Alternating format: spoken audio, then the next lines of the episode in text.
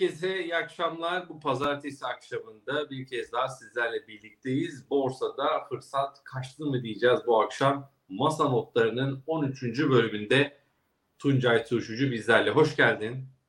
Hoş bulduk. Merhaba abi. Nasılsın? İyisin inşallah. Çok teşekkür ederim. Ee, Üstad sen de iyisin umarım. Ben de iyiyim. Sağ olasın vallahi. Eksik olma. Güzel bir yayın olsun. Bütün izleyicilerimize de hoş Evet. geldiniz diyelim. Yatırım Finansman ailesinin YouTube kanalına 60 binin üzerine çıktık. Hedef 100 bin. İnşallah bu Hayırlısı. sene e, birlikte efendim hep beraber 100 bine doğru gideceğiz. Yine sürprizlerimiz inşallah olacak. Çalışıyoruz. Transfer çalışmaları devam ediyor.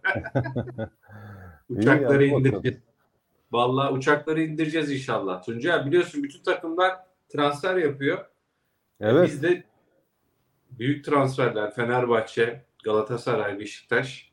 E, Biz de boş durmayacağız yani. İnşallah Ee, biz de Tabii canım yani her yerde bir hareket var. Her yerde bir şey var. Sizden de yeni adımlar, yeni hamleler olması sürpriz olmaz açıkçası. inşallah bakalım. E, kıymetli konuklarımızla beraber inşallah hep birlikte e, burayı büyüteceğiz. E, canlı yayındayız bir kez daha ifade edeyim. Evet çilek olacak inşallah. Icardi diyorum ben bir Icardi gelir arkadaşlar Galatasaraylı olarak. Bakıyoruz. Biz de futbolcu bakıyoruz diyelim. Scout ekibimiz izliyor falan deyip böyle işi bağlayayım. Şimdi bu akşam Tuncay Turşucu ile dediğim gibi borsada fırsat kaçtı mı diyeceğiz. Lütfen sorularınızı, mesajlarınızı bizlerle paylaşın. Ee, abone olan izleyicilerimizin sorularını ekrana yansıtabiliyorum biliyorsunuz. Eğer abone değilseniz lütfen Yatırım Finansman YouTube kanalına abone olmayı unutmayın. Ücretsiz bir şekilde abone olabilirsiniz diyeyim. Sözü fazla uzatmayayım. Hemen Tuncay Turşucu'ya niye böyle bir başlık attık acaba diye onu sorayım. Sonrasında detaylandırırız. Ya şunun için attık. Bir kere hani bir tarihsel olarak da yani şöyle bir bakıldığında endekste teknik olarak e, grafikte zaten açacağız. Yani bayağı ciddi bir ortalamalarından ciddi bir uzaklaşma var. Bu bir. İkincisi hani herkesin ağzında bir 8200 var artık. Yani 8200'ü hem işte teknik olarak söyleyenler var hem temel analiz hedefi olarak da söyleyenler var. Ee, o yüzden hani oraya yaklaştıkça artık hani bir kar satışı olabilir mi şeklinde bir ihtimal var. Ee, üçüncü bir şey daha şu, e, son zamanlarda senin de belki dikkatini çekmiştir. Sosyal medyada da biraz fazla bu, bu konu çok fazla gündemde. Yani kar satışları olacak mı? Düzeltme gibi böyle laflar çok sık bir şekilde var.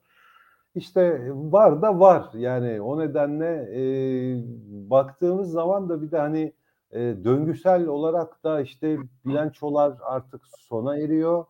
21 Ağustos'ta son tarih olacak ama o tarihe kadar epey bir çoğunu da almış olacağız. Bugün de var mesela Pegasus'la TT.com var, e, hı. Vakko var, öteki birkaç şirket daha var ufak olarak ama yani artık ilan ediliyor ve bu buralardaki bu bilanço beklentileri de bitiyor.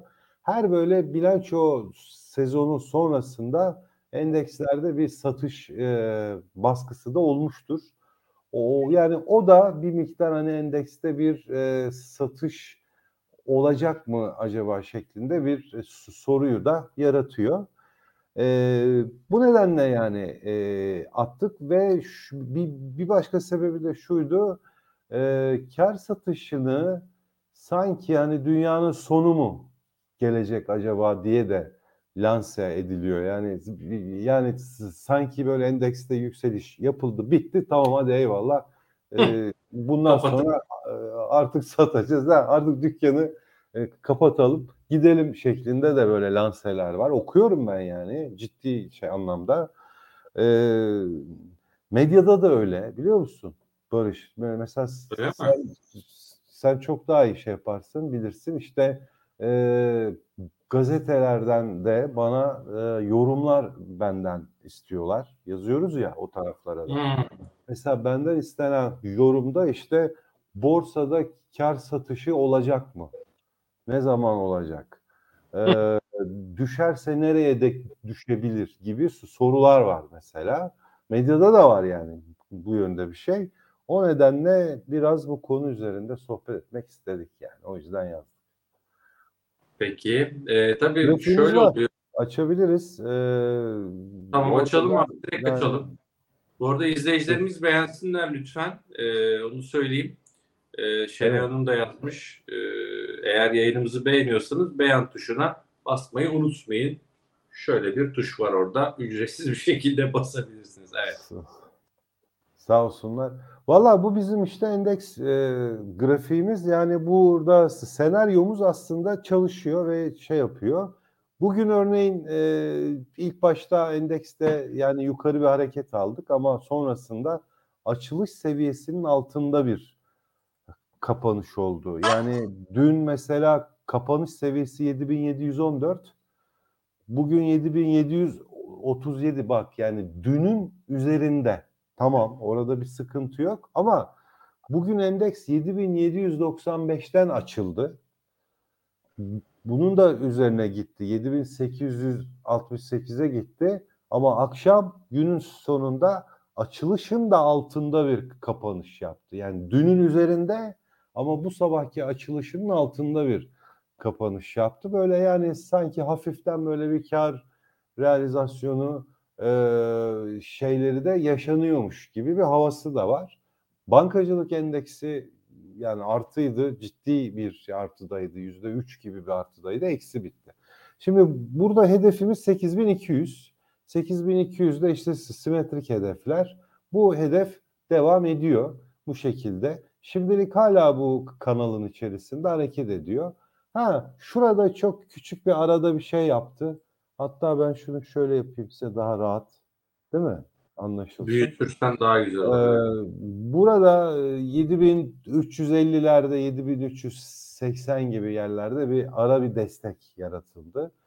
Bunu şu anda biz şimdilik yani bunu destek olarak takip ediyoruz. Şimdi bak söylemek istediğimiz şey şu.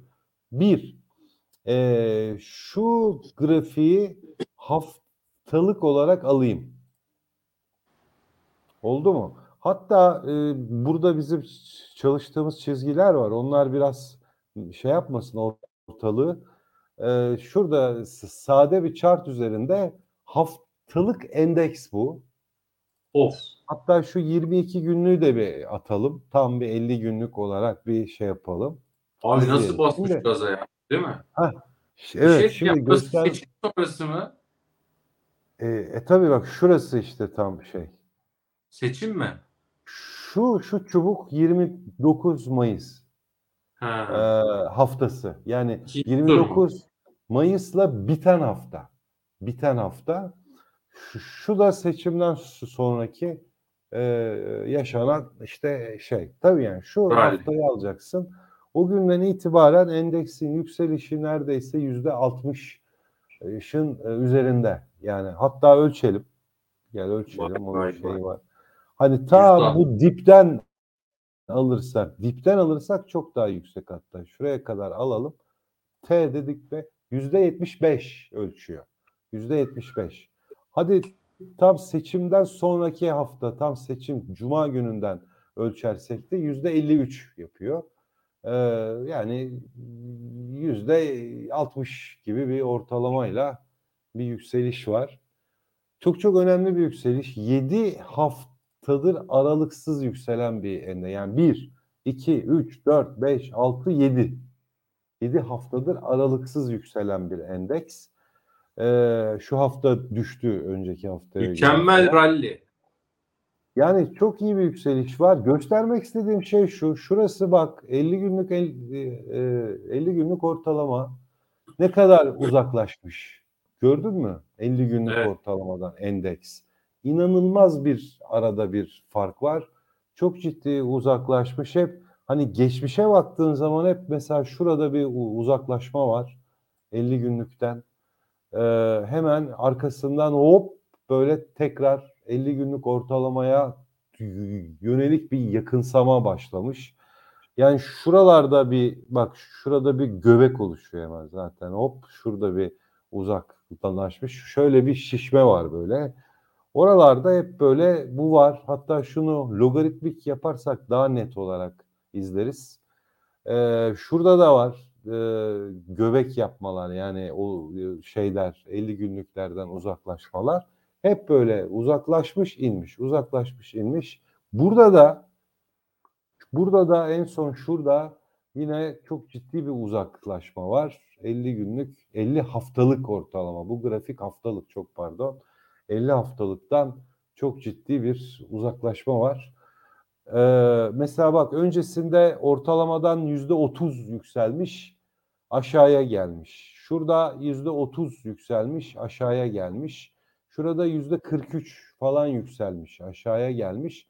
Şu anda da yüzde otuz dört gibi bir yükseliş yapmış. Yani işte, işte bu da bir sebep. Yani çok fazla yükseldi ortalamalardan ve bu çok fazla sürdürülebilir bir diklikte bir hareket bu değil. Yani e, burada da artık yavaş yavaş endeks ya şurada olduğu gibi şöyle e, hafif böyle aşağı doğru inecek ki ben zannetmiyorum böyle bir aşağı doğru. Burası çünkü hırpalayan bir şey burası. Yani bu e, 2023 Ocak'ta bir aldı eline ta Mayıs'a kadar 5 ay e, bayağı da bir hırpaladı yani bizi hepimizi. Yani böyle bir düşüş şeklinde bir bir süreç olmayacaktır diye tahmin ediyorum ama e, yatay hani şuradaki gibi şuradaki gibi bir hareket olabilir. Yani şuradaki gibi şöyle yükseliş düşüş değil ama böyle yatayda giden bir hmm. Ağustos ayının ikinci yarısı e, giden bir şey. Şimdi düşüşler Heh. lafını unutma. Lafını unutma. Şöyle bir soru var. İbrahim Bey. Tuncay Hocam evet. diyor. Hikayenin olduğu yerde teknik analiz çalışır mı diyor TL bazında. Yani diyor ki burada başka bir şey var sanki. Teknik evet, analize evet. bakmak lazım. Temel bir yaklaşımla mı bakmak lazım? Güzel soru. Hemen ekrana taşıdım. Tamam. Çok güzel soru. Haklı da yani bir hikaye varsa tabii ki o e, alır arkasından götürür gider. E, fakat biz zaten bu noktaya bir hikayeyle birlikte geldik zaten. Bu bir. Hikaye hala et, yani şey yapıyor, etkisini yap, yapıyor, sürdürüyor. Yüzde altmışlık bir yükselişten bahsediyoruz ve bu hikayenin etkisiyle.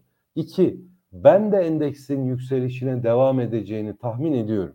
Bu endeks bu yılı çok daha yukarıda bir yerlerde bitirecek. Ama geçmiş e, dönem bize şunu hep ifade yani ediyor. Hikaye ne kadar güçlü olursa olsun yine de aralarda bazen bir esler var. Ya yani oluyor. Yani bir satış, şöyle bir rahatlama, e, soluklanmalar falan hep var ve olabiliyor. Ya burada da yeniden olabilir bu. Mesela işte bahane yani bahane çok var. Mesela işte bilançolar bitti. Yani bilançoların e, gazı da vardı burada. Biraz onun da etkisi de vardı. Bilançolar bitti. E işte yani endekste bir e, bir tane hikaye eksildi gibi mesela. Bunlar bile bahane edilebilir. Mesela bak Amerika bir artık biraz daha kötüye doğru gidiyor dışarılarda. Dışarıya Rusya hiç mesela şey yapmayız, e, Abi, izlemeyiz ama Rus, e, evet. Rusya haberi var. Rusya Merkez Bankası yarın olağanüstü toplanıyor. Neden? Para birimi ruble bir anda hızlı değer kaybı. E, Arjantin evet. Arjantin'e bak bugün gitti devalüasyon yaptı %18'lik bir daha. Aynen. Tabii yasadaki kur 600'lerin üzerinde 670'i falan görmüş. O 300'lere revize etti. E, bugün bir faiz artışı daha geldi Brezilya'da. Yani e, baktığında aslında yurt dışında gelişmekte olan ülkelerde kötü haberler var. Aynen öyle. Ee, hatta şurada benim e, şurası MSCI EM grafiği.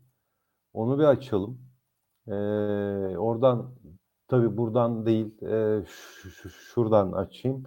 Yani MSCI EM yani gelişmekte olan ülkelere baktığınız zaman e, grafik bu aslında bak döviz cinsindendir bu. EM yani bi- bi- biz de bunun içindeyiz, dahiliz.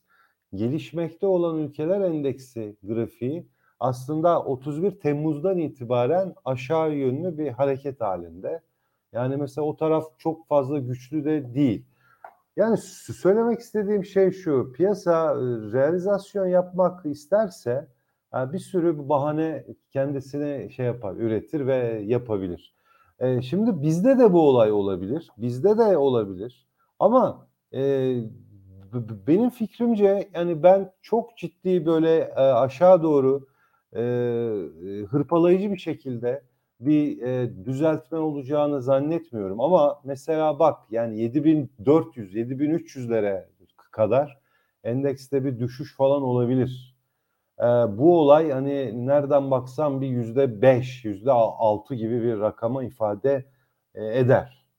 E, burada tabii buradan alanlar, buradan alanlar burada hırpalanırlar. Yani trene en son binenler varsa ve böyle bir düzeltmede yaşanırsa işte en son e, alanlar bir miktar hani canları falan sıkılabilir ama bizdeki hikaye daha güçlü bir hikaye olduğu için hani bu düzeltmenin e, ardından Eylül'ün ortalarına dek sü- süre, sürebilir bu bu durum söyleyeyim. Hani bir iner çıkar yataya mesela ya endeks şurada şöyle 7300'e falan iner. Ardından yeniden çıkar yükselir 7700 800 bir daha iner 7300 400 bir daha çıkar 7800 böyle bir 15 gün ya da bir e, bir ay kadar yatayda bir böyle yalpalama hareketi de yapmamız mümkün olabilir. İkinci bir ihtimal de şu yani şu anda hala yükseliş devam ediyor aslında. Bu endeks yine Ağustos ortasına kadar 8200'e dek yükselir yükselebilir. Bu yani bu, bu da bir senaryo. 8200'lerden gelen bir realizasyonlar olabilir. Ee, işte o zaman 7700'lere, 7600'lere doğru böyle bir inişli çıkışlı bir dönem yaşanabilir. Şimdi önemli olan e, bu bu dönemin yaşanması değil. Yani bu dönem bir şekilde gelecek yaşayacağız. E, grafiği almanız mümkün e, şeyden ekrandan. Bu dönem bir şekilde yani olabilir. Önemli olan sen ne yapacaksın? Yani e, senin duruşun ne olacak? Şimdi ben eğer 4 aydan beri, 5 aydan beri elinde pozisyon tutan birisiysem eğer ya da daha da eskiden beridir ben zaten oldukça ciddi bir yükseliş yakaladım mesela. E, yakaladılar yani o şekilde eskiden beri elinde hisse senedi tutan insanlar. O yüzden o yukarıdan yüzde beşlik, yüzde altılık düzeltmeler olsa bile endeks olarak ifade ediyorum tabii. Hisselerde bu daha fazla olabilir. Ee, olsa bile e, o, o bu düşüşleri hani 5 aydır elinde tutan birisi çok fazla e, onlar için çok çok önemli değildir bu düşüşler. Olmayabilir ama yeni girenler varsa, yeni alan alış yapanlar varsa bu seviyelerden, geldiğimiz bu noktalardan onların bence biraz daha dikkat etmelerinde de yarar var. Özetle iki şey ifade ediyorum. Geldiğimiz yerler artık borsaya yeni girenler için bence biraz riskli yerler olabilir ve acele etmemelerinde yarar var. En azından şu gelecek bir ayı e, ya da bir iki haftayla bir ay arasında bir zamanı bir izlemelerinde yarar var. Yeni alım yapacaklar bak. Yani borsada şu ana kadar olmayıp şu anda yeni girecekler için. E, borsada zaten yatırımı olanlar varsa ve bu yükselişi e, aldılarsa onlar için hani çok fazla fark eden bir şey yok. Yani bir bir satış olsa bile o satışı e, bekleyecekler yani yiyecekler ha. Ben kısa vadede e, alırım, satarım, hareket ederim falan diyenler varsa e, buyursunlar. Hani yani o da bir yetenek çünkü. Yani ben e, satarım, alttan alırım, bir daha üste veririm, alttan bir daha alırım falan diyenler varsa onlar için de şey. Mesela bak bir tane şey örnek vereyim. Ford bugün yüzde 2.3 düştü. Traktör yüzde iki buçuk aşağıda. Tofaş yüzde 3'e yakın eksi. Bak ciddi rakamlar bunlar tek bir günde. Şimdi Ford'un fiyatı 926 TL. Şimdi 350 TL'den beri elinde Ford'u olan adam için bugünkü yüzde 2.3'lük düşüşün hiçbir anlamı yok. Bir şey diyeceğim. Yarın da- Ford kaç dedi? Ford e, 926 TL yüzde 2.3 aşağıda. Abi ben en son 400-450'lerde bırakmıştım ya. Heh, yani Yani- işte Bakmaya bırakmıştım diye. 400 liradan Ford'u elinde olan ve taşıyan birisi için e, bugün Ford'un %2.3 Hayır. düşmesinin yarın da düşebilir. Yarın da düşsün. Sonraki gü- günde %2 düşsün. Yani toplamda bir %10 düşsün mesela. Çok fazla bir önemi yok. Ama buradan Ford alan adam birisi varsa 926 950'lerden o kişi için önemli. Yani o artık e, bir Peki. biraz şey yapabilir, hırp, hırp- hırpalanabilir. Ona bir dikkat edecekler. Söyleyeceğim ilk şey bu. İkinci söyleyeceğim şey de şu. Burada e, az önce e, verdiğin gibi yatırımcının söylediği laf çok önemli. E, hikayemiz hala bence var. Eylül ayında OVP var. Hatta Eylül ayının ilk ilk 10 gününde açıklanacağına yönelik de geçen hafta bir açıklama yapıldı. Hı. Önemli bir açıklama. Daha erken yani OVP geliyor. OVP'nin ilan edilmesi bence çok çok önemli olacak ve ikna edici bir OVP olması halinde ki başka bir şansımız yok zaten. Yabancıların asıl ilgisinin ben Eylül ayındaki OVP'den sonra asıl artmaya başlayacağını tahmin ediyorum. O nedenle mesela Eylül'den sonra yine endekste tekrar yukarı doğru 8200'lerin de e, üzerine yönelik yeni bir hareket e, ol, olmasında e, tahmin ediyorum. O yüzden endekste bir düşüş, satış gelme olasılığı var. Gelirse de bu taze paranın girmesi için de bir fırsat olacak. Bence e, yani alım için de bir fırsat olacak. E, özetle borsada fırsat kaçtı mı sorusunun yanıtı hayır. Borsada hala bir fırsat var. Eylül'den sonra bence daha da iyi bir fırsat olabilir. O yüzden hani borsada kaçan bir şey yok. Ama hani giriş çıkış zamanını e, bugünlerde iyi yapmakta yarar var. Yeni girecekler için. O kadar. Peki Tuncay Turşucu'ya çok teşekkür ediyoruz bu akşam. Rica ediyoruz. Allah hemen izleyiciler yemin ediyorum yayını patlatırlar. Şimdi bir kere canlı yayındayız. 2000'e yakın kişi. Beğeniler kaç acaba? Kaçtayız? Bir onu bir görelim yani arkadaşlar. Şu beğeni sayısını bir arttırmanızı rica ediyoruz ki yayınımız YouTube algoritmasında daha da yukarıya çıksın. Bir. iki birkaç e, mesaj okuyacağım. Arzu Hanım abone olan izleyicilerimizin mesajlarını ekrana yansıtıyorum. Bir kez daha hatırlatıyorum. Eğer abone değilseniz lütfen abone olup izleyin. Ücretsiz bir şekilde Yatırım Finansman YouTube kanalına abone olabilirsiniz. Diyor ki Arzu Hanım, merhaba arabamı, arabamı değiştirmek istiyorum. Hisse önerisi alabilir miyim? Arzu Hanım. Yusuf Hoca ile de konuşuyoruz. Biri demişti ki arabamı sattım borsaya girdim. Hoca ne diyor? Arabayı satıp borsaya girilmez. Borsadan araba alınır. Evet. Güzel bir yaptı. Şimdi arabanızı satayım, borsaya koyayım, oradan arabayı o işte üst segmente çıkarayım. Bence bu tehlikeli bilmiyorum Tuncay abi ne der? Ya tabii şimdi borsa yatırımının amacı şu demektir. Ee, dışarıdakini içeriye alıp yani borsaya almak de, demek değil. Borsadakini büyütüp borsada büyüttüğünü dışarıya almak. Ee, yani işte yani borsadan ev almak, borsadan araba almak, borsadan şey yapmak. O nedenle e, çok hani sağlıklı bir hareket olmayacaktır. Bir de yani gelmiş yüzde altmış yükselmiş bir endekste de arabayı satıp borsaya da girilmez ayrıca. Hani o da Hı. hadi madem yapacaksın hani daha bunu bir, bir şu şöyle bir 3 ay önce 2 ay önceden falan yapacaktın ki bence yine de zaten yapılmaz ama hani illa da yapacaksan da e, bir- biraz da böyle hani kalkış anında falan yapacaksın ki riskini biraz daha minimuma Peki. indir. Mesela şimdi e, yapmak bence çok riskli olabilir. Fikret Bey'e ben cevap vereceğim. Eski bir Bloomberg'li olarak bana düşmez ama oraya 13 sene emek vermiş bir biri olarak işte Bloomberg TV sabahtan beri yurt dışı haberleri yapıyor. Borsadan kaçma geldi. Fikret Bey, Bloomberg işte borsadan satışı böyle tetiklemek için haber yapmaz. Yani yurt dışında, yurt içinde ne varsa onu yapar.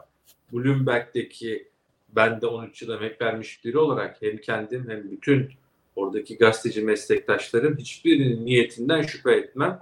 Hiçbirinin de borsayı ne düşürme ne çıkarma amacı vardır. Ee, habercilik gayesiyle iş yaparlar. Onun harici iş yapmazlar. Yapmadık geçmişte. Bundan sonra da yapmayız. Bunu da söyleyeyim. E, Tuncay abi devam edelim istersen. Hisse tarafına geçmeden önce e, dolar bazlı soran izleyicilerimiz var. Bir de dolar bazlı bakalım mı abi izninle? Tabii hemen hemen açalım grafiğimizi şuradan. E, vallahi şimdi orada da zaten 305 dolarda bir e, şey hedefimiz var. Şu TL'ydi bunu dolar yapıyorum. E, şurayı takip ediyoruz orada. E, şurası bizim için şey önemli bir yerdi. Burası 304-305 dolara isabet ediyor. Bugünkü kurla çarptığı zaman burası da işte yine o 8200'lere falan isabet ediyor zaten. E, buradan da çıkan bir şey var. Dolar bazlı da açıkçası şöyle bir e, kanal içinde izliyorduk bunu. Bir alçalan bir bant içinde izliyorduk. Ve endeks bunun e, üzerine attı zaten şey günü. E, 31 Temmuz'da bunun üstüne atarak böyle dolar bazlı olarak da yeniden bir yükseliş yaptık. Yani burada da hareket devam ediyor aslında. Ee, belki yani şu şuralarda çok ara ara seviyeler var. İşte 291 dolar var. Şurada bir 296 dolarlar var. Hani bugün mesela sanki endeks bak 291 dolar zirvesinde sanki biraz öksürmüş gibi yani değil mi? Tam böyle oradan e, bir şey dönüş yapmış gibi.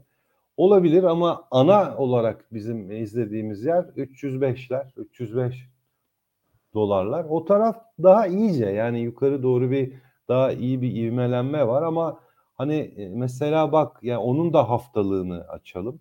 Orada da çünkü enteresan hareketler var. Mesela e, şunu yine atalım. Şimdi endeksin dolar bazlı haftalıkta ki grafikte hani şurada olduğu kadar endeksten çok şeyden ortalamadan çok ciddi bir uzaklaşma yok halen daha. Hala daha ılımlı böyle. Hafif arada bir şeyler olabilir ama halen daha ılımlı. Ee, mesela bak dolar bazlı haftalıkta MACD aşağıda şurada MACD daha yeni yeni böyle sıfırın üstüne doğru çıkıyor ve yeni daha al vermiş gibi, gibi bir hava var. 70'lerin üstüne çıkmamış RSI. Yani teknik olarak çok fazla şey yok o tarafta. Aşırı bir şi, şey şişme yok mesela. Yani dolar bazlı da bence hani 8200 dediğimiz o yeri daha fazla destekleyen bir noktada.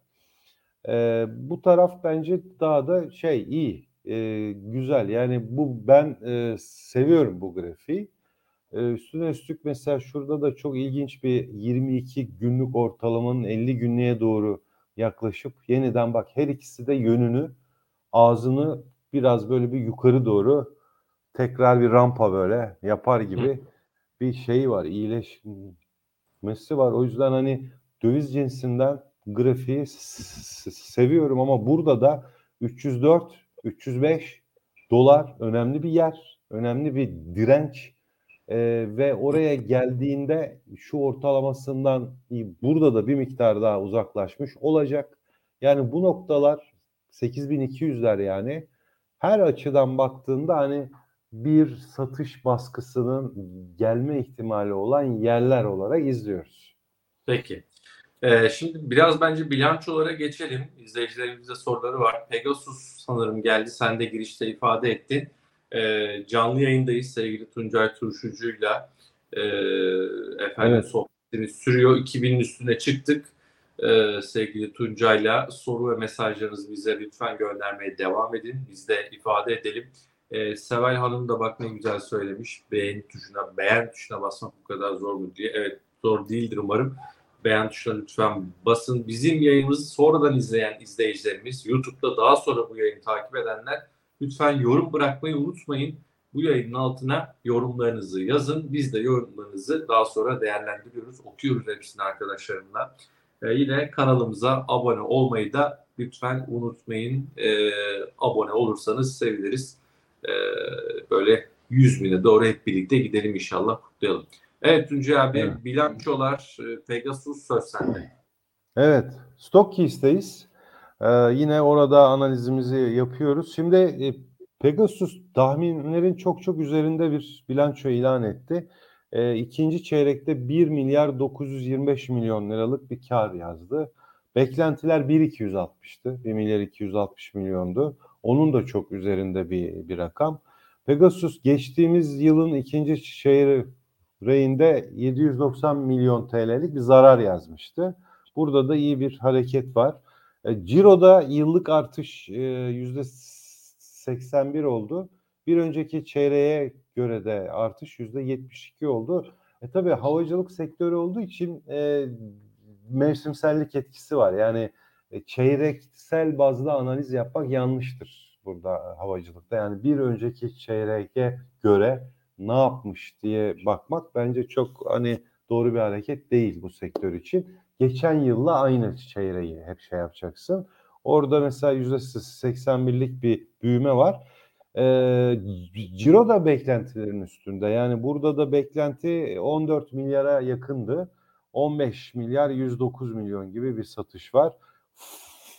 Favök'te de beklentilerin üzerinde yani 4 milyar 748 milyon liralık bir satış var. Artış var.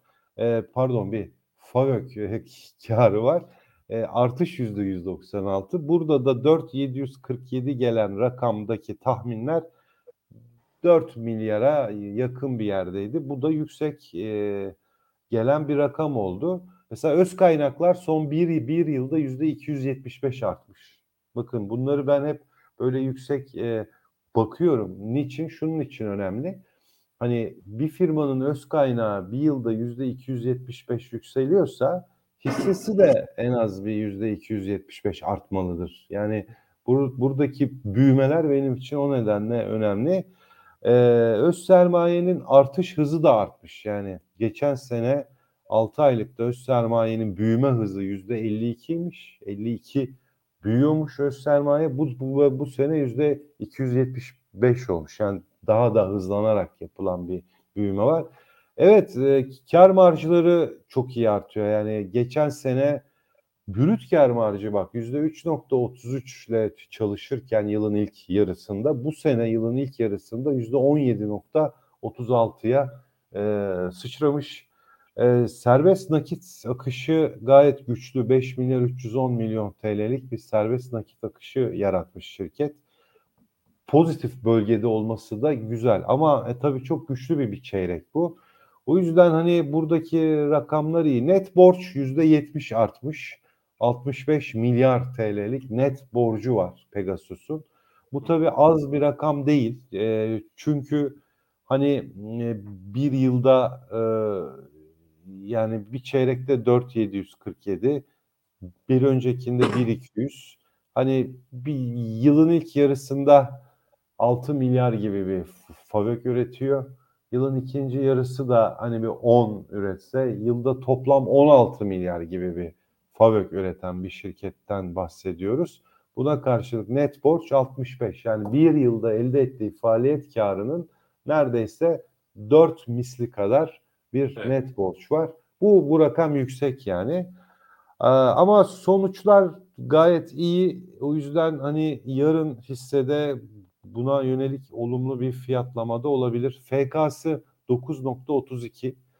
Ee, hani makul yerlerde öyle çok şey değil ama tabii ki FK'yı da bir görmek lazım. Şimdi şurası FK 6'ymış bir önceki 3 aylıkta 6'lara kadar gelmiş 9'a yükselmiş 12'den iniyor aşağıya. Tabii Hmm. geçen yılın düşük kar etkisi de var burada o yüzden yüksek ama Evet. yeniden 9'lara kadar gelen bir şey var. E, sonuçlar iyi burada. Bu şekilde Peki. var. Abi, Telekom'da geldi. Tabii. İzin, bir şey açıklayacağım. Şimdi bazı izleyicilerimizin mesajlarını görüyorum. Ee, şimdi başka aracı kurumlarla ilgili biz burada bir şey söyleyemeyiz. Ee, Mustafa Bey. Ee, yani Tuncay abi de bir aracı kurumda çalışmıyor. Ee, bizlere dışarıdan e, destek veriyor. Ee, onunla e, yayın yapıyoruz. Başka kurumlarla da o şekilde. Dolayısıyla bizim bu yayında ya da Tuncay abinin ya da benim başka bir aracı kurum ve onun işte yaşadığı teknik e, sorunla ilgili bir açıklama yapmamızı beklemeniz garip olur. Yani bir şey söyleyemeyiz. Lütfen o kurumun hesaplarına, e, açıklamalarına e, bakın, onu takip edin. E, Bizden buradan bir şey söylememizi lütfen beklemeyin. Umarım bir an önce çözülür. Teknik sorun. E, hani bundan daha fazlasını söyleyemeyiz ama biz burada bir şey yorum yapamayız, bir şey söyleyemeyiz. E, Tuncay adına konuşuyorum ama o da herhangi bir kurumla bağlı yok. Bize dışarıdan e, bu yayını destek veriyor. Evet. E, lütfen bu konuda hani bizi anlayışla karşılayın. Etik olmaz, yanlış olur. Umarız yani bir sektör e, paydaşı olarak bir an önce sorun çözülür. E, bir mağduriyet yaşanmaz. Sadece bunu söyleyebilirim. Ama bizden lütfen yorum beklemeyin. Bu konuda mesajları görüyorum. Bu açıklamayı yapmak zorunda kaldım. Kusura bakma abi. Lütfen devam et. Evet. Ee, yani şey e, benim hani a, sizle de bu yayını yapıyorum yani sizin sanki çalışan sizin ma- Yok, maaşlı değil. elemanınızım gibi falan bir algı da bazen oluşuyor. Herhalde o orada orada da öyle bir Evet. algı var. Bana da yazanlar var ama firmadan yapılan açıklamaları takip etmenizi tavsiye ederim. Az önce senin de söylediğin gibi. Ee, şimdi Telekom'da geldi. Telekom Bakalım. zarar ilan etti ikinci çeyrekte 600 milyon liralık bir zarar geldi. Beklentiler Telekom'un 1.1 milyar lira zarar getireceği yönündeydi. Hani beklentilerden biraz daha az bir zarar geldi. Bu arada hani ciroda çok hafif iyi, iyimser bir ciro var. 17.9 milyar mi- milyar gibi bir ciro artışı var. Rakamı var. Bu rakam 17.2 milyar TL gibi bir beklentiye sahipti. %67 artmış. FAVÖK 5.9 milyar geldi. Bu mesela beklentilerin üzerinde gelen bir rakam oldu. 5 milyar 300 milyon TL gibi bir beklenti vardı. Orada da yıllık bazda %45'lik bir artış var. Burada mesela havacılıkta olduğu gibi hani bir önceki çeyreğe göre bir analiz yapılabilir. Orada da yine birinci çeyreğe göre daha iyi sonuçlar elde edilmiş halde e, kar marjları e, tabii düşük. Yani geçen yılın altında bir kar marjıyla çalışan bir şirket. Net kar ge- geçen yıla göre yüzde 97 gibi bir düşüş tabii var burada sergiledi. Bu da maalesef işin olumsuz kısmı. Net borç yüksek yani 45 milyar TL gibi bir net borç var. Onda da bir artış var yüzde 46. Ee, serbest nakit akışlar eksi. Eksi 1 milyar 892 milyon. Yani bilançonun tek iyi yanı e, birinci çeyreğe göre daha iyi su- su- sonuçlar elde edilmiş olması. O belki söylenebilir.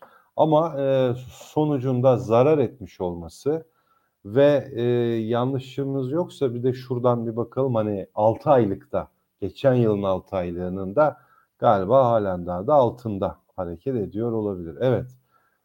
Evet. Şimdi bu yılın İyi 6 bak. aylığında 44.7 milyon yani 44 milyon TL gibi bir kar yazdı.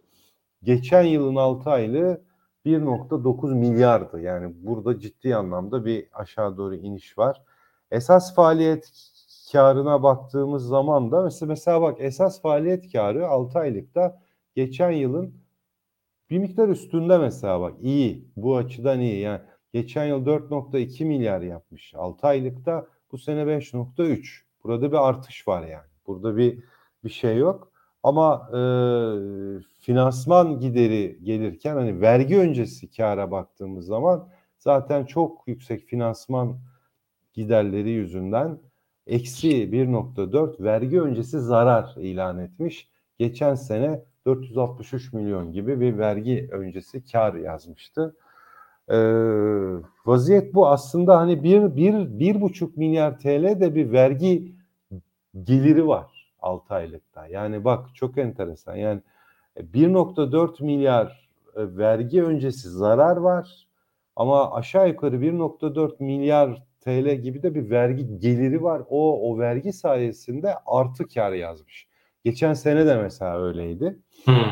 Ee, yani çok yorum yapılacak bir şey yok. Hani 32 FK zaten kar çok azaldığı için FK çok arttı. Hani çok e, hikaye yok gibi bu taraflarda. Onu söylemek isterim. Peki. Ee, sanırım Vakko da gelmiş abi bu akşam. Ona da Evet. istersen bir bakalım. Ee, Vako çok iyi geldi. Ee, yani e, şöyle söyleyeyim hani yılın 6 ayını Vakko 614 milyon lira karla kapattı. Geçen yılın 6 ayında 296 milyondu bu.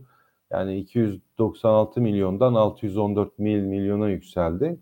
Üstelik yani 3 aylık e, kar 125'ten 614'e yükseliyor 6 aylıkta. Yani 3 aylığın da 3 3 katı kadar bir kar var. Esas faaliyet karına baktığımız zaman 6 aylıkta mesela geçen sene 421 milyon lira yaparken bu sene 738 milyon TL'lik bir ciddi bir kar yazmışlar. Bu da mesela o açılardan oldukça önemli. Kurdan gelen bir kar var tabii ikinci çeyrekte. Bunu da, e, değerlendirmişsiniz demiş Taner Bey de Vakko'da. Tabii onu da hemen açalım özet şeye, gö- görünüme. Evet, e, 10 milyon li- liralık bir serbest nakit akış var. E, Aslında şöyle hani işletme faaliyetlerinden nakit akışları 131 milyon olmuş. Geçen yılın altında bu. Bu e, çok fazla e, işletme sermayesi oynaklığının çok olduğu bir çeyrek oldu ve o yüzden hani işletme faaliyetlerinden elde edilen nakit akışları da çok böyle oynak oldu. Yani ben bu yüzde 38'lik azalmayı o gözle e, bakıyorum. Ama yine de iyi, 131 milyon lira. 120 milyon TL yatırımlara para ödemiş, yatırım yapmış. Sonucunda da 10 milyon TL gibi pozitif bölgede olacak şekilde bir serbest nakit akış elde etmiş. Geçen yıldan az bir nakit akış ama önemli değil. Önemli olan nakit akışları artsın. Mesela burası ikinci çeyrek. Gördüğün gibi net kar yıllık bazda yüzde 134 arttı ikinci çeyreğe göre geçen yılın. Bir Hı. önceki çeyreğin de yüzde 292'de üstünde arttı. Öz sermayesi son bir yılda yüzde 221 artmış bir firma. Yani çok hani güçlü bir şirket. Yani net borcu var 727 milyon lira bir net borç var ama sadece bir çeyrekteki elde ettiği FOVÖ karıyla canı isterse gider öder o parayı pat der. Yani tek bir çeyrekte elde ettiği karla. O yüzden çok önemli değil. Yani Vakko'nun sonuç sonuçları bence gayet güzel Peki. başarılı öyle söylemek mümkün. Tuncay bu arada e, senin bu analizi yaptığın Stockies platformu e, onu söyleyelim. Yatırım finansman yeni müşterilerine, yeni yatırımcılarına e, senin kullandığın e, ve çok işine yarayan, işimize yarayan Stockies'i, Stockies Pro'yu e, iki aylık ücretsiz bir şekilde yeni yatırımcılara hediye ediyor.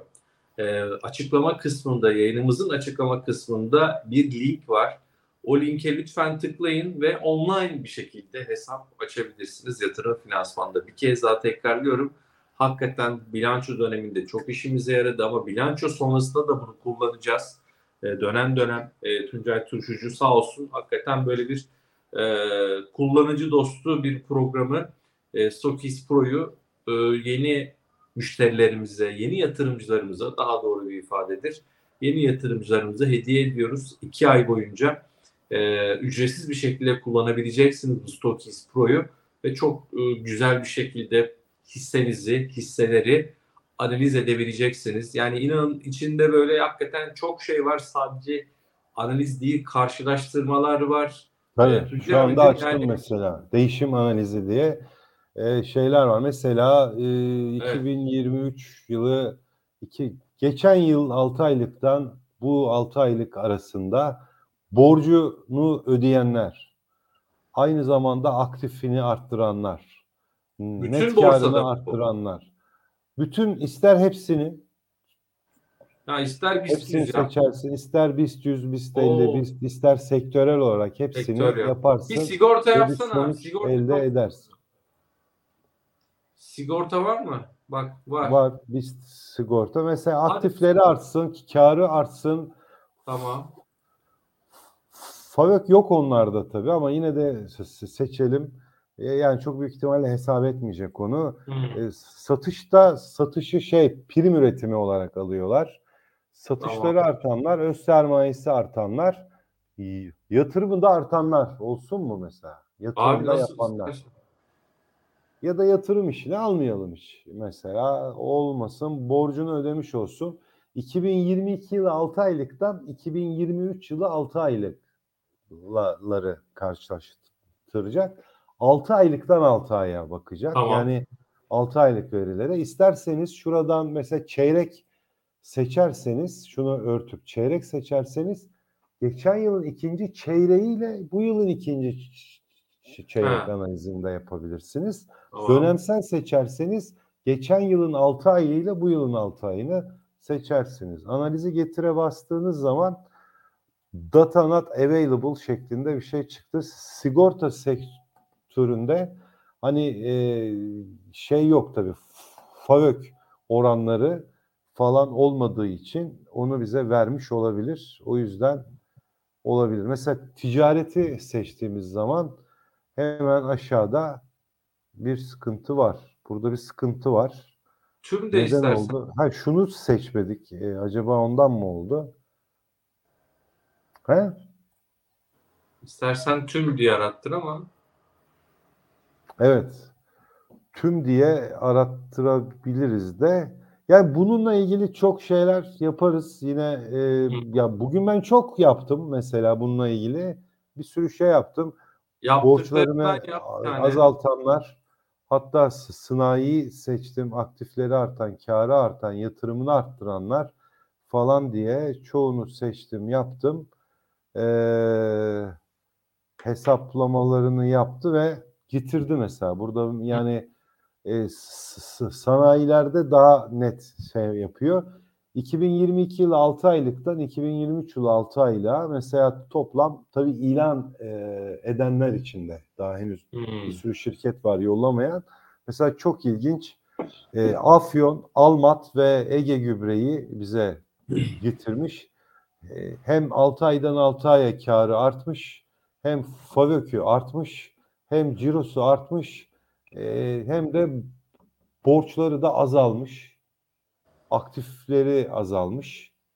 E, şuradan böyle baktığın zaman öz sermayesi artmış ve yatırımını arttırmış. Yatırımlar yani maddi duran varlık artışına göre hesap Hı. ediliyor. Bunları da arttırmış. Bu şekilde Bak bir hesaplama var. Yani her şeyini artıran sen abi yani öyle bir yaptın ki en kallavisini işte öyle bir hisse senedi olmadığı için çıkaramadı herhalde. yani tabii ha o da var. Yani belki de e, ötekilerde bu şartları şey yapanlar olmadı. Yani Anladım. bunu e, mesela çeyreksel olarak da yapmam mümkün. Hani sadece çeyreksel Hı hı. seçip yeniden analizi getir dediğin zaman aşağıda yani bu sefer bak o 17 şirket buluyor. Yani geçen yılın ikinci çeyreğine göre bu yılın ikinci çeyreği sadece 3 aylık yani dönemler itibarıyla baktığında burada tabii Adel, Afyon, Almat yine var. Bantaş, Borusan. Borusan'da bu sene çok iyi bir bilanço var ve hisse zaten uçtu. Çimsa, Derimot, Desa, Ege Gübre, Gentaş, Kalekim, Kimtex, e, Konya Çimento, Kütahya Şeker, Makim, Makina ve Renepol, e, Rainbow galiba, Renepol ve Traktör olarak bize getirdi. Benim de yaptığım analizlerde mesela bu şirketlerde böyle öne çıkan şirketler oldu. Yani burada bu tarz analizler yapabiliyorsun. Şurada bir finansal radar diye bir şey var. Burada çok daha fazlasını yapabiliyorsun ama e, buraya şimdilik girmeyelim. Yani istediğiniz formülü de yazabilirsiniz. İleride burada. gireriz. İleride gireriz. Burada sektörel incelemeler gibi şeyler de yapmak mümkün. Peki.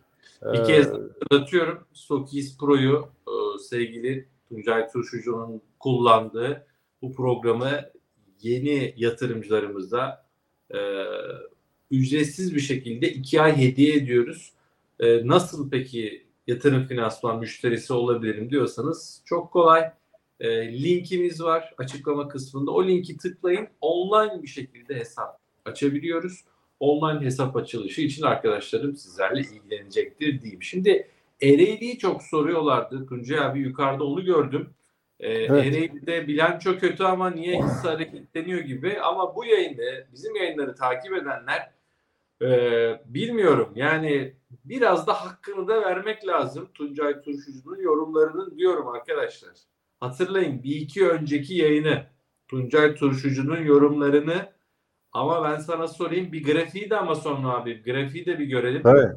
tabii, açalım. durum söz sende. Ee, şimdi e, yani 3.9 milyar, 4 milyar TL gibi bir zarar getirdi Ereğli. Ee, beklentiler e, işte 3 milyar, 3 milyar 200 milyar gibi bir zarardı. Beklenenden daha da fazla bir zarar var aslında. Ama e, Ereğli'yi daha detaylı incelediğiniz zaman e, kar marjlarında hani birinci çeyreğe göre önemli bir artış olduğunu görüyorsunuz. Orada bir tutucu ciddi bir şey var, toparlanma var. Hani birinci çeyrekten itibaren bir sıçrama varmış gibi. Nitekim şurada da mesela çeyreksel bazda ciro yüzde 42 arttı.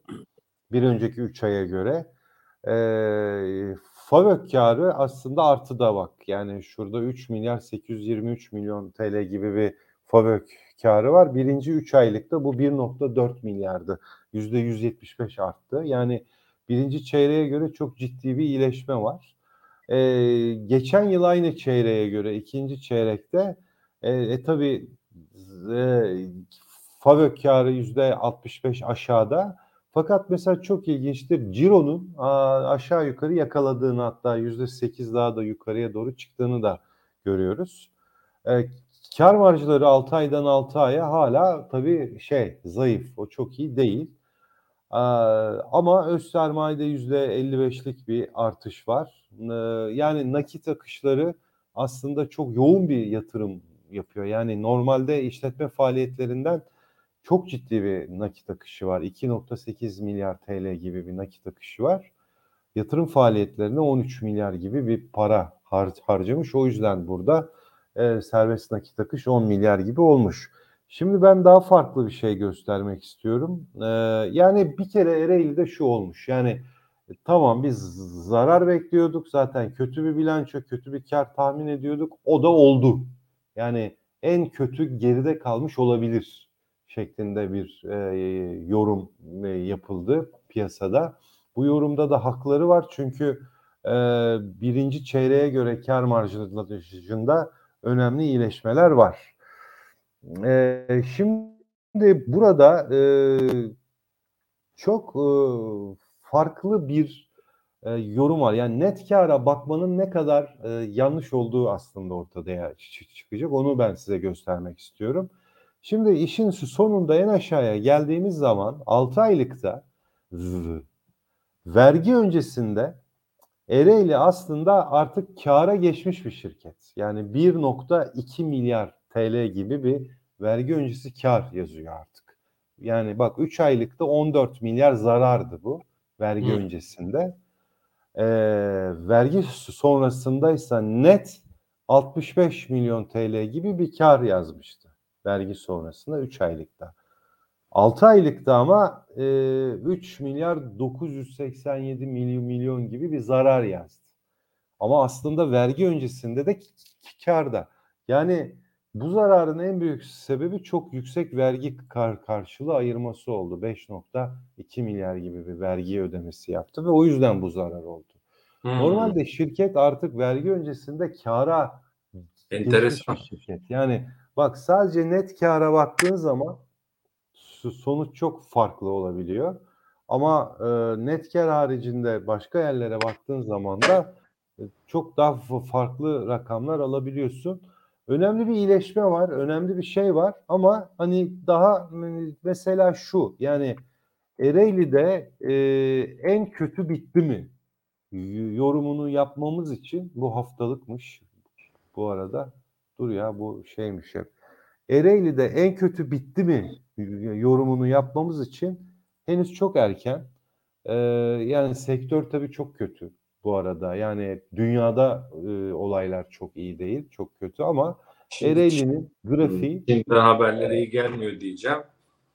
Evet, evet. Yani haberler halen daha iyi değil. Yani ekonomik büyümeye yönelik ciddi sıkıntılar var. Resesyon e, beklentileri var. Burada zaten tonaj bazında halen aş- aşağıda Ereğli az satıyor. E, kar marjlarının artmasında HRC fiyatlarının bir miktar artması ama esas asıl önemlisi ham madde maliyetlerindeki düşüş etkili oldu. Fakat yine de hani karlılık anlamında acaba Ereğli'de e, en kötü bu mudu? Yani yaşayacağımız en kötü bilanço bu mudur diye de artık e, sorgulamalar başladı.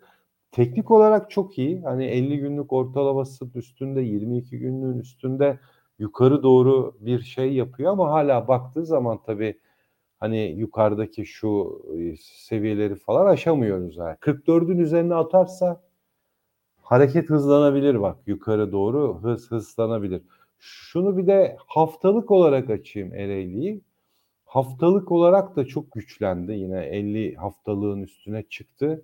Orada da hani göstergeler gayet iyi, güzel bir şekilde devam ediyor. Fakat işte bu 44'ler, 45'ler önemli bir engel. Ee, şunu söylüyorum ben yani e, bundan e, bir yıl ya da iki yıl sonrasını hedefliyorsanız Ereğli'de bu fiyatlar e, fırsat yerleri olabilir. Yani sektör döndüğü zaman tam anlamıyla hani böyle büyümeler e, arttığında, e, fiyatlar yükseldiğinde, e, tonaj olarak da artışlar başladığında yani 2022 veya 2021 rakamları gibi bir yıl olduğunda Evet. o zaman zaten bu, bu, bu fiyatlarda çok fazla bulamayacağız. Yani o yüzden hani sabırlı kişiler için Ereğli iyi bir fırsat veriyor. Ama eğer sabırsızsanız ben o, o kadar ta şey yapamam diyen Evet, birisiyseniz hani size uygun değil bu. Yani öyle bir kişiye uygun bir hisse değil. Ee, Hardemir Şunu- için de yani aynı şekilde. Hatırla, ya ben çok net hatırlıyorum seninle e, radyoda yayındayken. Mesela iki tane hisse hep, benim aklımdadır. Bir Arçelik. Evet. Diplerdeydi. Demiştim Evet. ki ya Barış bu çok net hatırlıyorum. Sabreden için uzun vadeli yatırım güzel bir fırsat hissesi dedi. Hakikaten sonra Arçelik aldı yürüdü. İkinci hisseyi hatırlıyorum. Geçmişten bahsediyorum ben bu arada. Evet, evet. Migros. Evet, Migros, Migros o zamanlar var. borçlu. Borç tabii. Borcu Ama var. ama tabii ödüyor. Yani borçlarda net bir azalma bir eğilimi var. Tabii. Diyordu ki ya bu Migros bak borcu var ama Barış borcunu azaltıyor diyordu. Hatırlıyorum. E, Zaten Migros da o- böyleydi o zamanlar. Bu da bir fırsat hissesi diyordu. Tabii Hatırlıyorum. net borç böyle FAVÖK rasyosu 7'lerdeydi. Bi- Bire kadar geldi ve bire düştüğü anda asıl net kârdaki fır, fırlama da o zaman oldu zaten. Yani orada bir patladı. O gündür bugündür hala gidiyor. O- izle, izleyicilerimizin mesajlarına da e, yanıt veriyoruz. Abone olan izleyicilerimizin sorularını ekrana yansıtabiliyoruz. Bir kez daha hatırlatıyorum. Demiş ki abi, aynı sektördeki diğer şirketler vergi vermiyor mu? Bu ikna eden bir şey değil. Her şirket vergi veriyor da erteliyor. Bence diyor bu beni ikna etmedi diyor mesela. Ne dersin bu yatırımcımıza? Soruyu tam anlamadım. Yani herkes vergi veriyor. Yani Türk Türk Türkiye'de e, bütün şirketler kurumlar vergisine tabidir. Yüzde 25'tir kurumlar vergisi bu yıl için. Yani bu bir yasal zorunluluktur. Ama tabii kurumlar vergisinden istisna olan bazı olaylar vardır. Yatırım yaparsın, teşvik alırsın. E, yapmış olduğun bu yatırıma harcadığın bütün bu miktarları e, vergiden e, düşersin, edersin. E, budur. Bir, bir, bir başka olay bazen işte Ereğli'de olduğu gibi ve bazı vergi e, e, ödemeleri şey yapılır, ertelenir.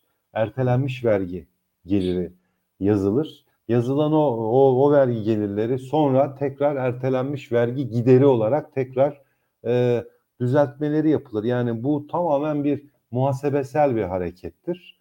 E, ama yasalarla yani belirlenmiş, netleşmiş bir durummuştur. Yani o şirkete farklı, bu şirkete farklı diye herhangi bir uygulama yoktur. Ha vergi işte, öncesi kar beni ikna etmiyor diyorsa heh. şunu ben anlarım. Hani e, seviyesi çok azdı mesela. Yani 1.2 milyar gibi bir kar vardı Ereğli'de vergi öncesi kar olarak. Çok az. Yani bu kadar az bir kar beni beni ikna etmiyor diyorsa anlarım onu da başka hani ikna etmiyordan kastı ne onu ben anlayamadım. Babök'ün ne önemi var diye şeklindeydi sanırım soru demiş bir başka izleyicimiz. E, FAVÖK'ün önemi şu hani amortisman e, giderleri bilançolarda e, nakit çıkışı gerektirmeyen giderler olarak e, hep her zaman alınır. Hmm. Yani şirket oraya bir amortisman gideri yazar ama öyle bir gider aslında e, yoktur, olmuyordur. 10 yıldır ömrü bir tane yani bir binanın, aletin, edevatın e, her yıl e, onda bir gider e, yazar ama öyle bir çıkış yoktur şirkette. O yüzden FAVÖK hesabında esas faaliyet karına o amortisman gideri eklenir. Öyle hesap edilir. Ha siz FAVÖK'ü e, ya benim kafama yatmıyor bu. Amortisman gideri neden olmasın? Benim arabam eskiyor e, ve ben bir sürü de masraf yapıyorum da diyebilirsiniz. Doğru da bir yaklaşım bence. Ee, o zaman esas faaliyet karı üzerinden hareket etmenizi tavsiye ederim. Ama net esas faaliyet karı yani bilançoda gördüğünüz faaliyet karı değil. Yani diğer gelirler ve giderlerden önceki e, hesap ettiğimiz bizim net esas faaliyet karı. Az önce açtığımız şeyde de Stockkeys'te de bilançoda o kısmı zaten e, Starkes kendisi hesap edip şey yapıyor. Veriyor zaten net esas faaliyet karı diye. O zaman oradan hesap şey yapın. Her zaman hareket edin. Peki Tuncay abi çimentolarla ilgili izleyicilerimiz çok soru sormuş. Bugün de tamam. e, genel bir satış vardı sanırım çimentolar cephesinde. E, bir çimento hani öne çıkan yorumlamak istediğin vesaire var mı? Şöyle birisi daha sormuştu hani böyle Ereğli için söylediğinizi Vespe için de söyleyebilir miyiz? Tamam. Hani uzun vadeli bir fırsat. Evet söyleyebiliriz yani Vespe'de de bu e, Avrupa'daki durgunluk yerini canlılığa bıraktığında ki 2024'ün ikinci yarısında Avrupa'da bir artık ekonomilerde bir büyümeler tahmin e, ediliyor yavaş yavaş. Bu geldiği zaman e, Vespe de çok farklı bilançolar göndermeye başlayacak. Ve şu fiyatlarda bence fırsat oluyor. Aksa mesela yani Aksa akrilik o da ya, mesela çok çok farklı bir e, ha yani Aksa akrilik mesela çok iyi bir noktada. Yani şu anda çok kötü bilançolar. Bak e, Barış yani her zaman bir laf vardır hani iyi şirket kötü zamanda alınır aslında. Yani puslu bir havada alınır aslında. O yüzden hani bu şirketlerde şu anda çok puslu havalar var yani o o, o şey. Ee, bugün çimentolara özgü e, çok özür dilerim. E, Mustafa Bey, evet. Yeotek'teki yönetim kurulunda görünen Barış Esen ben değilim. Bunu kaçıncı defa çıkacağım bilmiyorum. Gülümsemiş o da zaten. Espri yapmış. sonunda. Yani ama hala geliyor. Geçen gün Hayır, birisi ö- Ben değilim. öyle, öyle birisi mi var orada? Tabii Barış Ben- Esen. Bir de açık kap- kapı açıklama geliyor. Barış Esen şu kadar hisse sattı. Eyvah. Sonra bana mesaj yağıyor. Vay Barış abi alacağın olsun. Arkadaşlar. Tanıştım bu arada sevgi yani hem e, Yotekin yönetim kurulu başkanıyla e, TÜGİAD'da e, beraberdik. Ondan sonra e, o Barış Esen ben değilim bir kez daha tekrarlayayım. Evet. Bu da güzel. Evet. Ya bugün çimentolara yönelik özel bir satış olmadı. Yani e, çimento hisselerinde de iyi yükselişler oldu. Bakma ve ben hepsini çok beğeniyorum. Yani Oyak çimentoyu henüz almadık ama çok büyük ihtimalle güçlü gelecek. Çünkü Hmm. şu ana kadar gelen bütün çimentolar çok iyi bilançolar ilan ettiler. Çimsa, Akçansa, hatta mesela Afyon. Bak az önce bir şey yaptık, radar yaptık değil mi? Evet. Stockcase'de A- Afyon çıktı mesela. Üç tane şirket geldi. Afyon vardı mesela onların içlerinde. Çok ilginç böyle çimentolarda çok enteresan kar marjları falan var artıyor. E, üçüncü çeyrek de çok iyi gelecek ama biraz hızlı gittiler. O yüzden hani biraz hızlı gidenlerde bir miktar realizasyonlar var. Endekste de var yani endekste de bir realizasyon bölgesine doğru geldik ve yaklaşıyoruz. Yani olabilir bu düşüşler. Eğer daha fazla düşüşler olursa bence hani bir fırsat olabilir. Alış içinde bir Alım fırsat fırsatı. olarak ben görürüm Peki. o tarafları. Ee, şimdi biraz yine mesajlara bakalım. Ee, bu arada abone değilseniz lütfen abone olun. Abone olan izleyicilerimizi sonradan ekrana yansıtıyorum. Şimdi şunu görüyorum. Ee, bu arada Muhammed Bey teşekkürler. Ali Ağlı gibi The Barış Esen ismini kullansan diyor. Aynen ondan biraz ayrışmam lazım. Arkadaşlar Tuncay abi e, yani portföyünü niye açıklasın? Olmaz. Bedlam. Ee, yani bu yanlış olur. Burada Tuncay Turşu'nun portföyü olmaz ama belki şunu yapabiliriz Tuncay abi. Şu bilanço dönemi falan bitsin diye ortalık sakinleşsin. Uzun dönemli fırsat hisseleri gibi bir şey belki yapabiliriz. Hani az önce konuştuklarımızı toparlayacağımız. Belki Evet. Bir program sen de O, yani olabilir hani o öyle bir yayına tabii bir hazırlanmam falan da lazım. Biraz tabii tabii. şey yapmak lazım. O çünkü E arkasında ya. çok ciddi bir analiz ve e, yani analize falan ihtiyaç oluyor. Tabii, tabii. Bana da yazıyorlar neden hani e, eskiden ben çünkü yapardım kendi şeyimde. Fırsat hisseleri. E, fırsat hisseleri değil de hani uzun vadeli yatırım hisseleri olarak yapardım. Kopacak hisseler. Yapamıyorum falan. şu son zamanlarda çok yapamadım. Ama yine yaparız elbette ki. Ya Tuncay Turşucu her zaman hissede olan bir insan. Ben her zaman yüzde yüz hissede hep oldum. Yani borsanın düştüğü zaman da ben yüzde yüz hissede oldum. Çıktığı Hı. zaman da hep yüzde yüz hissede oldum.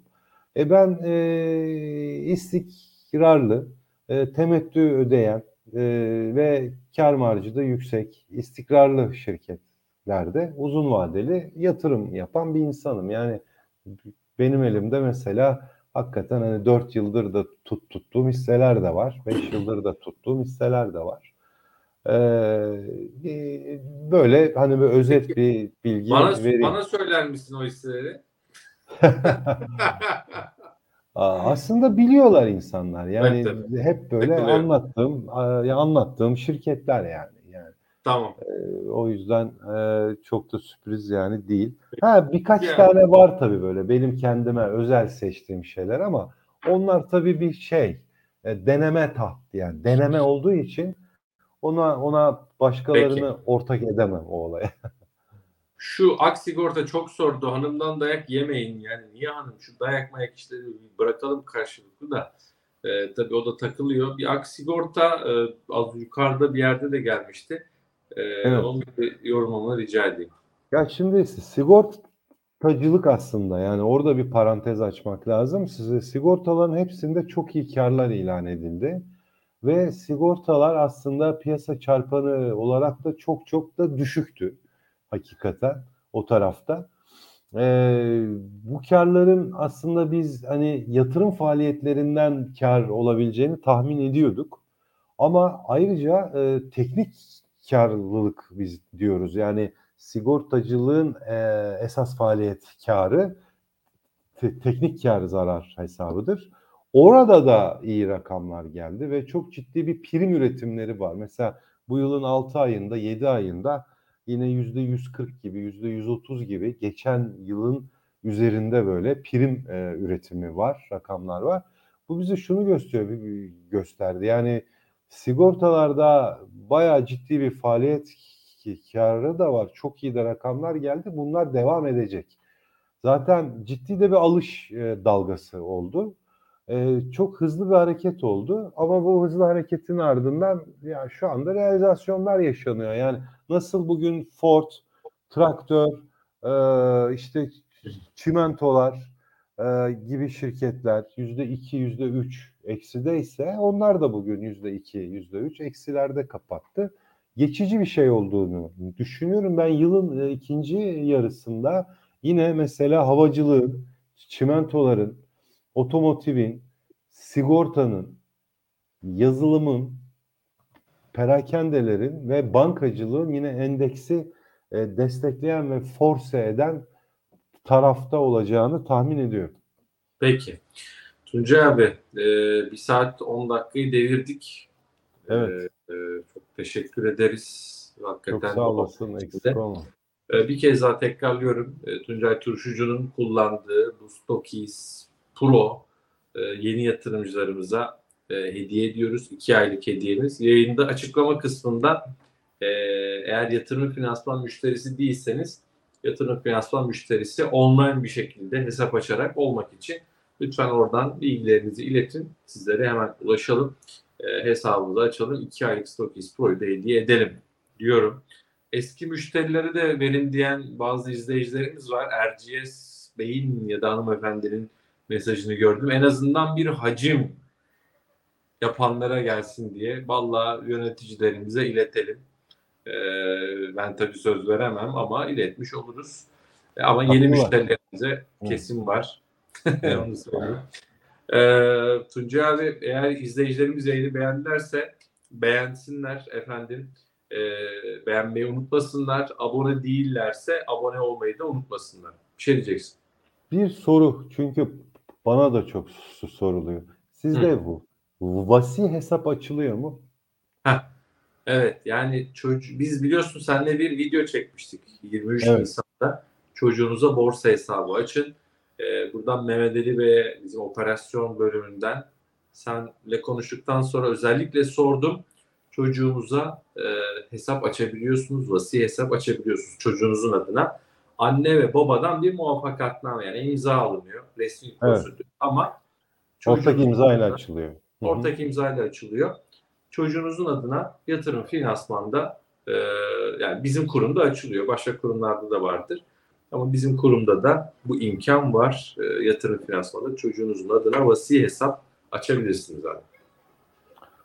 Evet, o, onu da Güzel. çok soruyorlar bana. Ee, ben de onu sana da bir sormak istedim.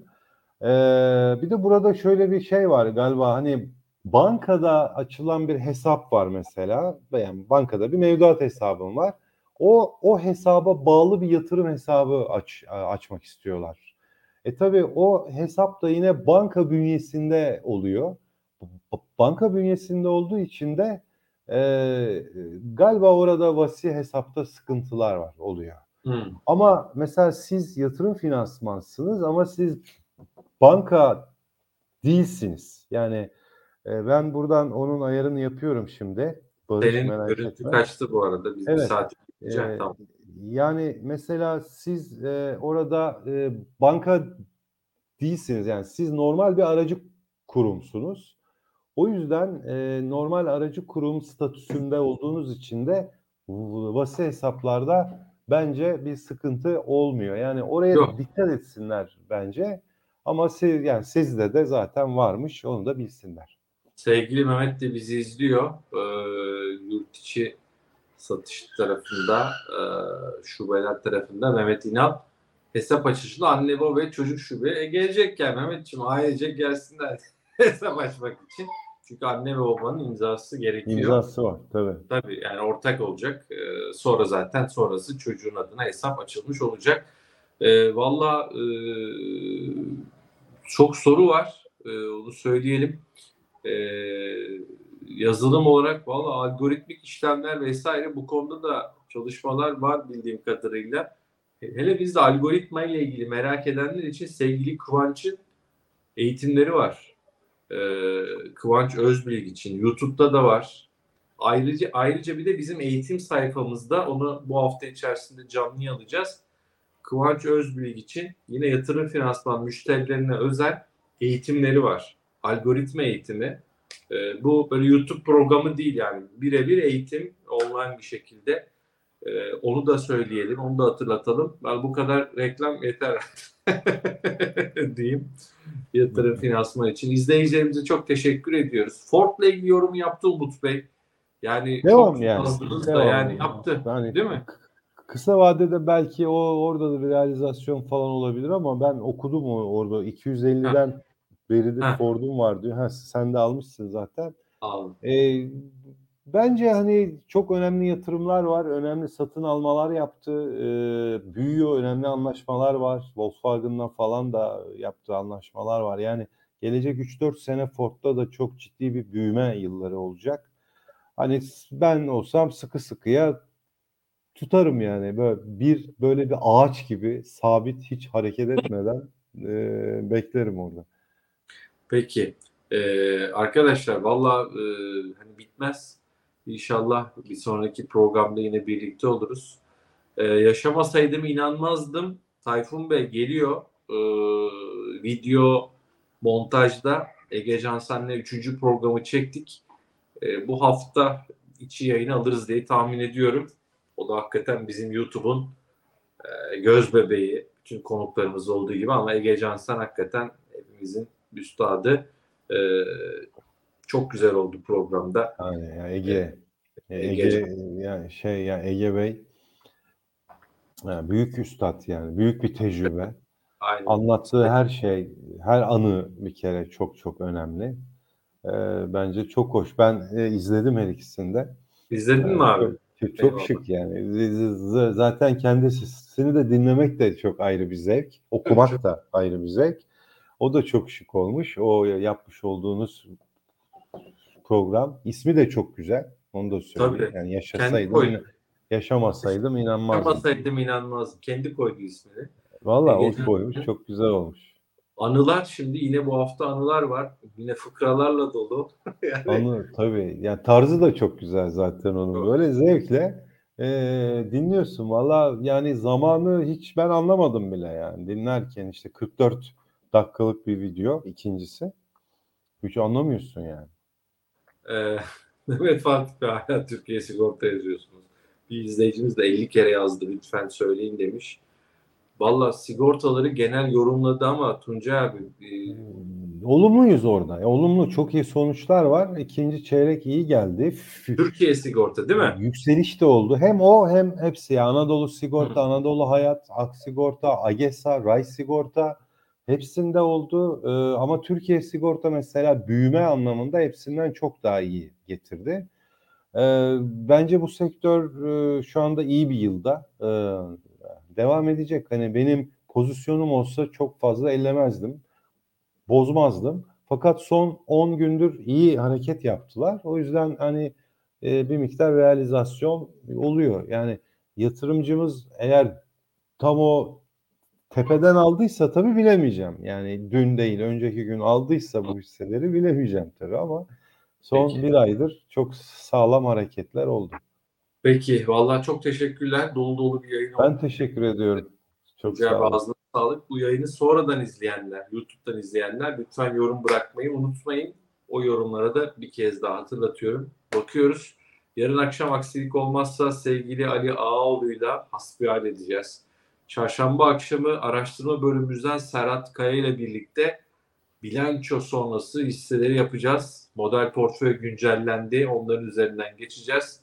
Ee, hepsini inşallah bu hafta yine e, sizlerle paylaşacağız. Tuncay abi ağzına sağlık diyorum. Teşekkür ediyorum. Ben de çok güzel bir yayın oldu yine. Bir sürü soru var ama tabii hepsine yetişemiyoruz. Ee, artık böyle e, haftada bir yardımcı olacağız. Yani Umut Bey yanıtladık Allah aşkına dinle, dinliyorsunuz eminim yani. Bin defa yazdım dedim yanıtladık zaten. Az önce söyledik. Fortnite'ı. Hatta sizin yazdığınız mesajı getirdik ekrana. Evet. Ee, Yani- az önce yani sizin mesajı Barış bağlı. aldı ek- ekrana ve- verdi falan hatta Umut Bey diye de yorumladık. Ee, bazen olabiliyor ya Daha- akşam yorgunluk işte. Hadi arkadaşlar dağılıyoruz da 1800 kişi var valla bırakmıyorlar biz gidelim en iyisi.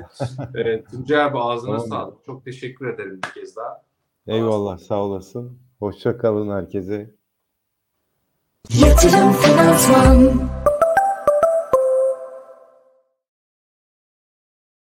Yatırım Finansman